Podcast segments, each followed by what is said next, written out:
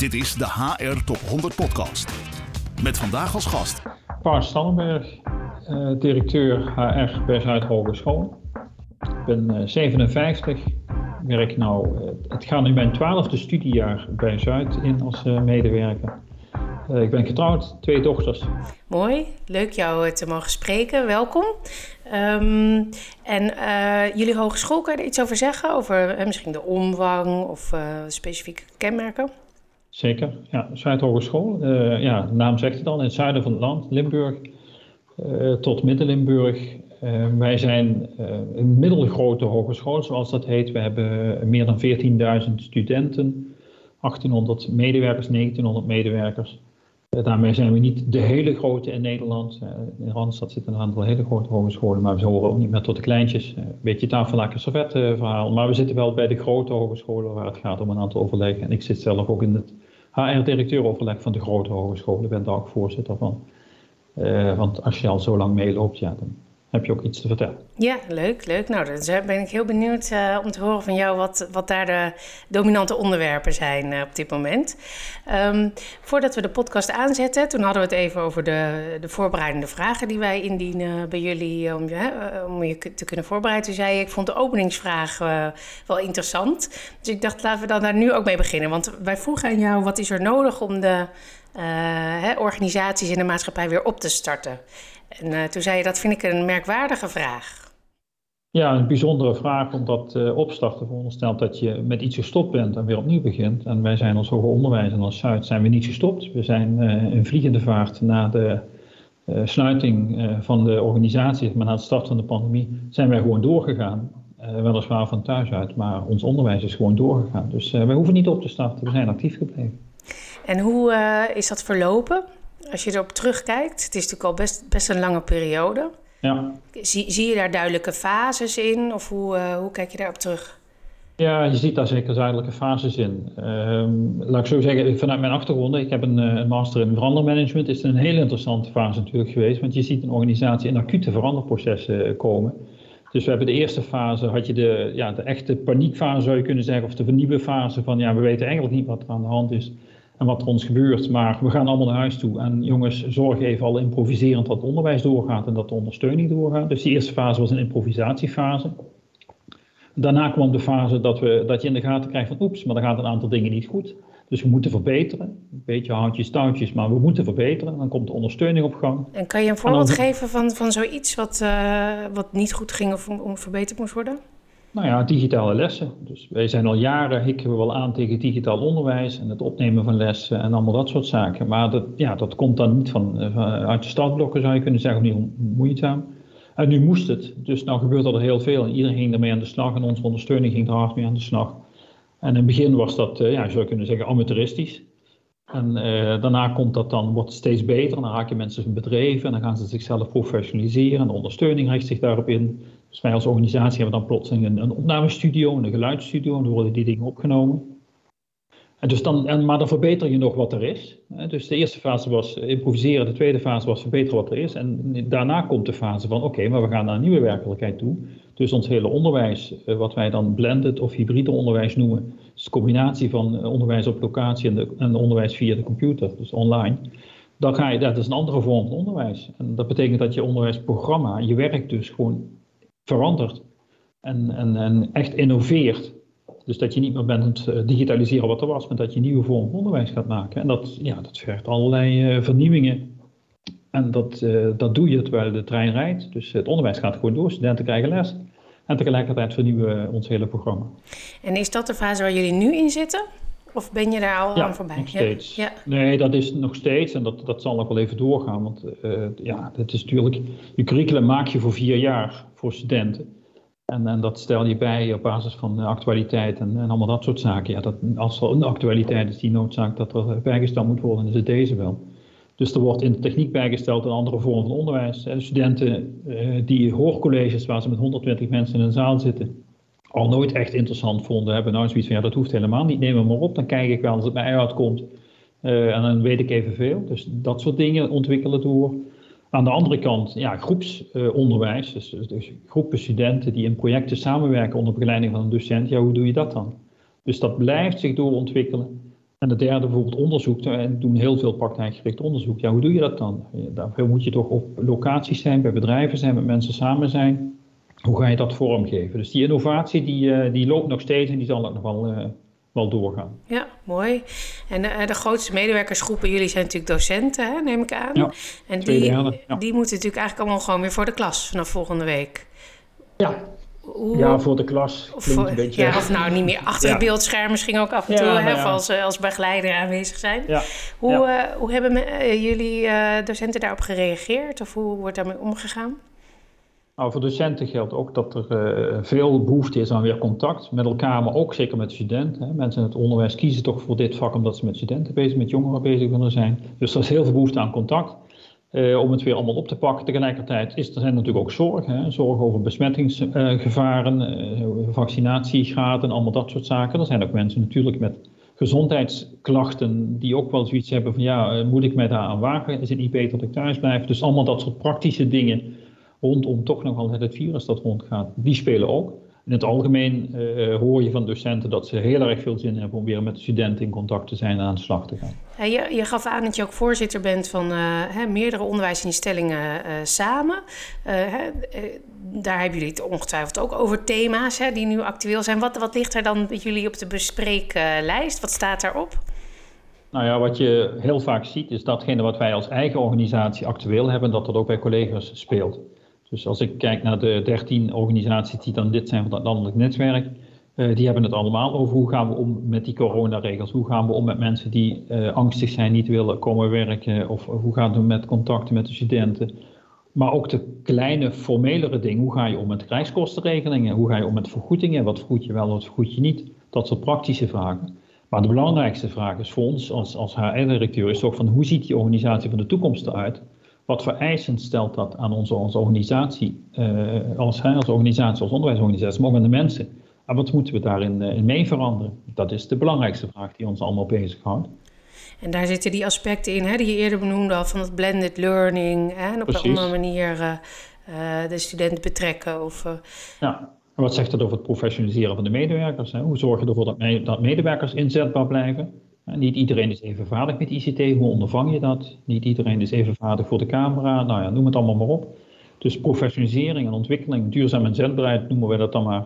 Van medewerkers is een heel belangrijk thema. Omdat ja, mensen moeten niet alleen dit jaar, maar ook over vijf jaar nog eh, goed hun werk kunnen doen.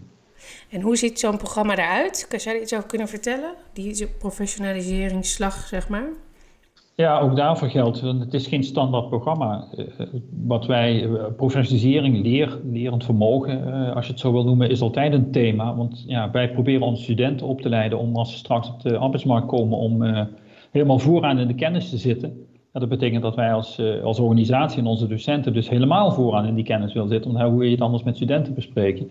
Dus bijblijven in je vakgebied, vernieuwen in je vakgebied is een, is een belangrijk item. En daar komt nu dan inderdaad die nieuwe maatschappelijke werkelijkheid bij. En, en proberen de studenten niet alleen uh, kennis bij te brengen, maar ze ook voor te bereiden op een werkbaar uh, leven. Uh, dus ook van ja, in welke maatschappij kom je terecht, in welke bedrijven kom je terecht. Hoe gaat dat dan? Hoe innoveren productieprocessen, hoe innoveren bedrijfsorganisaties? Dus ook daar zijn onze docenten mee bezig. En dat betekent dat je in je professionalisering van je eigen medewerkers daar ook rekening mee houdt. Dus vakmatig maar ook mensen opnieuw, en wat ik net zei, van wij hechten veel aan zelforganiserend vermogen in teams. Ja, hoe werken teams samen als je niet in dezelfde ruimte zit elke dag? Hoe doe je dat dan? Waar uh, moet je in veranderen? Dus ook daar proberen we de organisatie in te ondersteunen. En je ziet dat, uh, ja, dat is gewoon een landelijk thema. In die zin, ons productieproces, als je het zo zou willen zeggen, bedrijfstermen genoemd, van het opleiden van studenten is natuurlijk in al die hogescholen hetzelfde. Eh, dus we proberen echt wel eh, daar af te stemmen van wat werkt wel en wat werkt niet. Dat zit hem eh, in dit soort strategische zaken, maar ook wat ik net zei, heel praktisch. En hoe ga je om met vergoedingsregelingen of wat regel je wel en wat regel je niet. Ja, ik kan me ook voorstellen, misschien klopt dat niet hoor, dat omdat docenten natuurlijk zelf heel veel weten van hoe je iemand iets overbrengt, ook lastig zijn om iets aan te leren. Klopt dat? Ze weten natuurlijk zelf het beste misschien. Ja, nou ja, volgens mij is er een boek van leidinggeven aan professionals niet doen. Ja, en dat gaat er ook wel een beetje op in. En uh, natuurlijk is het zo dat docenten geacht worden uh, meer kennis te hebben dan studenten. Maar ik denk wel dat het onderwijs van tegenwoordig anders is dan waar vroeger een docent met een boek onder de arm in een klaslokaal binnen ging, de deur dicht deed en ging uh, overdragen. Is het nu vooral interactie. Dus het is ook, wat je hoort van docenten is dat het samenwerken met de studenten ook de docenten scherp houdt en vernieuwt.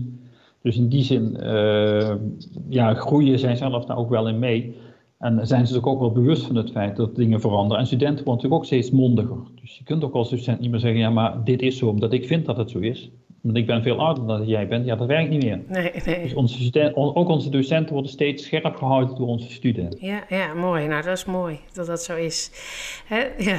Je zei, we zijn bezig met de uh, organisatie van de toekomst. Hè? We hebben natuurlijk al een aantal... Uh, uh, onderwerpen besproken die daarin zitten.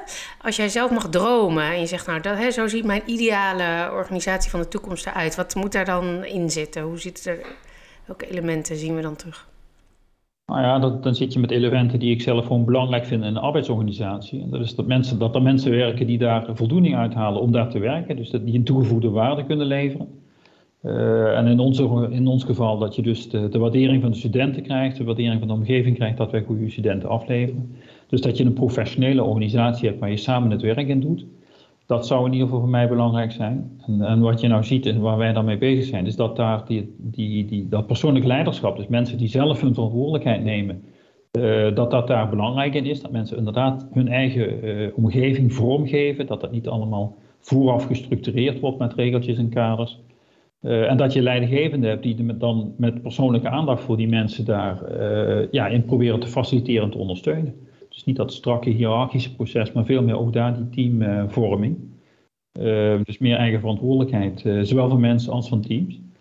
En voor organisatie betekent dat dat uh, de organisatie in verbinding staat met zijn omgeving. Dus wat wij als hogeschool heel nadrukkelijk doen, natuurlijk met studenten die stages lopen en die naar organisaties toe gaan. In onze onderzoeken, het praktijkgericht onderzoek dat wij doen, heel veel in samenhang met organisatie, met de organisatie om ons heen, met de samenleving om ons heen.